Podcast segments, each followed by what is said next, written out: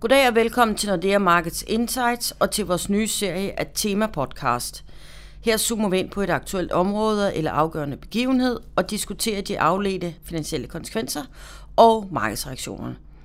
Jeg hedder Karina Larsen, og i dag har jeg besøg af cheføkonom Helge Petersen. Velkommen, Helge. Tak for det, Karina. Ja, så er vi i gang med vores første tema-podcast, og på premieredagen slår vi ned i Danmark. Det har været en begivenhedsrig uge herhjemme. Regeringen har blandt andet fremlagt både en 2025-plan og en finanslovsforslag. Og så har vi også fået BNP-tal for andet kvartal, så der er nok at tage fat på. Men hvis vi starter med det sidste, hvad siger BNP-tallene? Og hvad siger de om situationen i dansk økonomi her nu? Er der nogle områder, vi skal være særlig bekymrede om?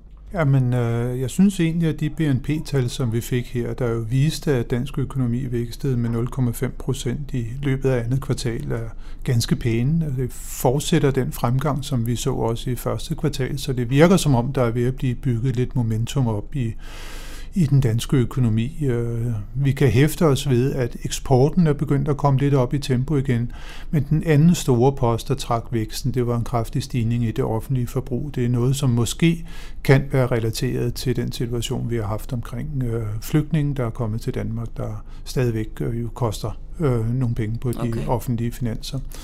Um, der, hvor at jeg måske kunne være en lille bitte smule bekymret, det er, at den fremgang, som vi ellers har set i det private forbrug, den ser ud til at løje en lille bitte smule af, og så var der tale om et direkte fald i investeringsaktiviteten. Der kan være en, en sådan teknisk forklaring på det, okay. måske noget registreringsmæssigt øh, hen over første og andet kvartal, for vi har ellers set en fremgang i investeringen, men her var der tale om en relativt kraftig fald. Og øh, hvis det står til troende, jamen så vil jeg sige, så har vi et problem. Ja. Øh, og i forvejen så har vi jo haft en meget lav investeringsaktivitet igennem ja, mange år faktisk efter finanskrisen, mm. og vi skulle altså meget gerne se i takt med, at arbejdsmarkedet det bliver stadig bedre, og væksten kommer tilbage til dansk økonomi, og investeringsaktiviteten så også følger med op. Men altså indtil videre er der ikke meget, der tyder på det. Der, der er jeg faktisk noget bekymret for, for fremtiden. Ja. Og det var lidt uventet, eller hvad? Ja, jeg vil sige det, fordi øh, især i forbindelse med, at vi over de seneste mange kvartaler har set, at der har været pæn øh, aktivitet inden for bygge- og anlægssektoren, ja. så havde vi forventet, at den var fortsat. Og der har også været tegn til, at maskininvesteringerne blandt andet, de er kommet mere op i tempo igen, men det var altså faldet tilbage nu her. Okay. Så det er derfor, jeg siger, at måske kan der være tale om nogle ja. registreringsmæssige problemer, der gør, at vi får nogle andre oplysninger, når vi får de reviderede BNP-tal. Okay. Men øh, står de for troende, så er det en lidt bekymrende udvikling. Ingen tvivl. Så det er lidt en blandet landhandel, øh, roser og tårne. Mm. Men hvis vi så ser på det længere sigt, så kan vi jo se på budskabet i 2025-planen. Det lover måske ikke så godt så, hvis det de tal, de holder for troende. Øh, jeg synes blandt andet, at jeg har set dig i diverse aviser citeret for at kalde det en meget, meget ambitiøs plan. Den mest ambitiøse, der nogensinde er lanceret. Og jeg må så lige tilføje, at du er ikke den eneste skeptiske cheføkonom her. Men øh, hvorfor det er planen sådan helt ude i hampen, og nu med de her tal er det så... Ej, jeg synes bestemt ikke, at det er en plan, der er helt ude i hampen. Jeg okay. synes, der er rigtig mange gode tiltag i den øh, mellemfristede plan for, for dansk økonomi, som øh, regeringen har fremlagt. Men øh, noget af det, jeg hæfter mig ved, det er, at man jo forsøger på at skulle øge vækstgrundlaget øh, herhjemme. Og der er der sådan to indsatsområder. Man skal dels øge arbejdsstyrken, øge arbejdsudbuddet, og så skal man så få gang i produktiviteten her. Og øh, det i sig selv, det er fint, men målsætningen det er altså at øge det såkaldte potentielle BNP med 65 milliarder kroner mm. frem til øh, 2025. Og det svarer faktisk til, at vi skal få en fremgang i det potentielle BNP på mere end 3 procent i forhold til i dag. Det er sådan omkring 0,4 øh, procent øh, om året. Og hvis man forestiller sig, at dansk økonomi lige nu har en potentiel vækstret på 1 procent, at man så gennem de her tiltag altså skal kunne løfte dem med 0,4 procent om året, det synes jeg virker meget, meget ambitiøst, øh, for at sige det som det er. Okay. Som sagt, masser af gode initiativer. Det skal bedre kunne betale sig at arbejde. Det er nogle af de her skatteforslag, som vi har hørt så meget om i medierne, der skal sikre det. Men der er jo på forhånd ingen garanti for, at skatte lempelser kommer til at medføre en så kraftig stigning i arbejdsudbuddet, og jo slet ikke, hvis det er, at øh, efterspørgselen i økonomien den ikke er til det. Øh, det er det ene ting, og den anden ting, det er, at der hvor man gerne vil have produktivitetsfremgang, det skal foregå meget ved at få et bedre investeringsmiljø i Danmark, og det, mm. det er super øh, godt tænkt af regeringen, men der er ingen, der siger, at i det her miljø, som vi har i dag, hvor at med nulrenter, der har vi jo ikke engang kunnet få investeringerne tilbage. Man har også haft et investeringsvindue, der gjorde, at kapitalomkostningerne var negative en periode for, for virksomheder, hvis de investerede i Danmark. Hvad er det så, der lige nu skulle gøre, at investeringsaktiviteten kommer til at stige så meget, at vi igen kan være med til at løfte BNP så meget, som man ønsker ja. det. Derfor er jeg lidt skeptisk. Så du kan ikke se, hvad det er, det der skal... Altså det virker, at det er vækst udefra vækst? Nej, jeg, altså EU og... Jeg, jeg, skal... jeg, jeg, jeg ser bestemt, at de her initiativer, de er gode. Jeg har bare øh, en formodning om, at de måske kan løfte væksten helt så meget, som okay. man ligger op til i planen. Ja, ja, okay.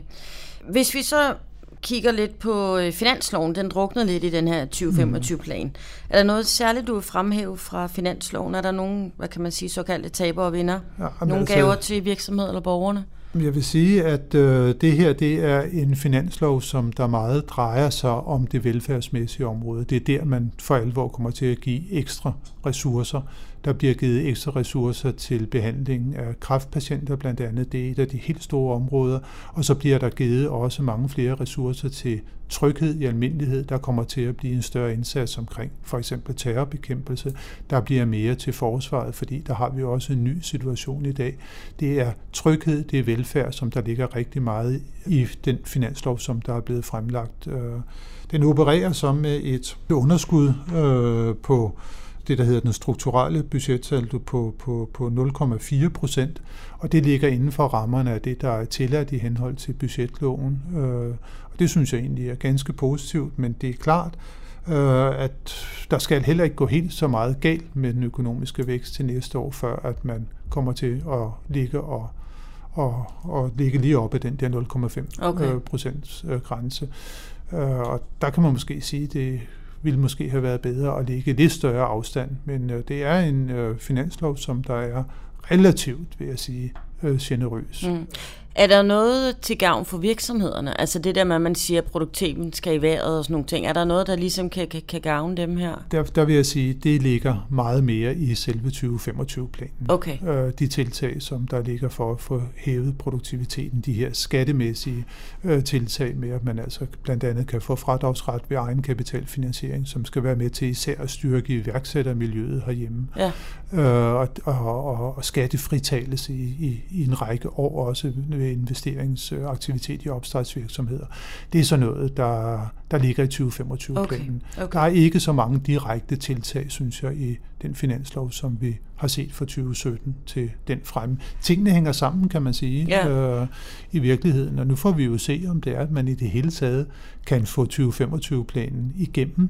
Mm. Øh, eller om det er sådan, at... Øh, Liberale Alliance kommer valg? til at vælte. Regeringen, ja. ja hvad? og vi så skal til valg, og så er det klart, så har vi også en anden situation omkring hvad tænker finansloven. Du?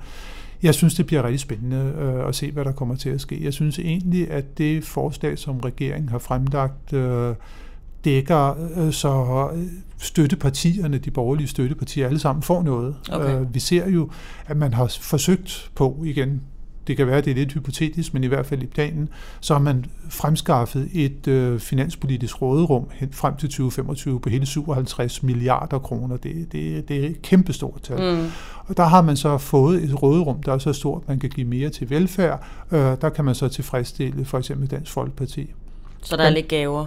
Der er lidt gaver der. Man freder øh, boligejerne øh, i, øh, i 2025-planen. Der har vi godt nok, at rentefradrag, det kommer til at blive ja. nedsat, øh, men det er først fra 2020, der vil jeg sige, der freder man jo i, i stor udstrækning øh, boligejerne, så der er noget til de konservative, og øh, så har man jo gjort det, at man trods alt sænker topskatten med, med 5 procent, mm. man øger ovenikøbet også øh, jobfradraget øh, ganske betragteligt. Øh, der er godt nok noget af det, der gøres afhængigt af, der er pensionsindbetalinger, men der er skattelettelser i denne her pakke, øh, ganske betydelige, som Til burde mange. kunne tilfredsstille mm. for eksempel liberale alliancer, ja. for den sags skyld også konservativ. Men det virker jo i hvert fald som om, at Anders Samuelsen han står meget fast ja. på, at denne her øh, topskattelettelse også skal gælde for dem, der har de helt høje indkomster, altså over en million. Men man er vel også nødt til at spille ud med et ultimatum og stå fast. Man kan vel ikke allerede begynde at vakle?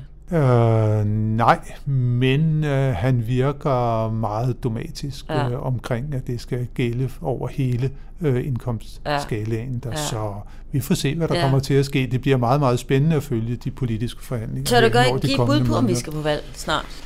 Øhm, det tør jeg egentlig ikke Nej. give et rigtigt øh, bud på, øh, men der skal i hvert fald være nogle herrer, der nærmer sig hinanden, ja. for at vi skal øh, undgå det, og jeg vil sige, at Lars Løkke har jo heller ikke øh, lagt skjul på, at det her parken 2025-planen, det er for ham at se også et valggrundlag. Mm, ja. Så det bliver spændende at se. Ja, det gør det. Absolut.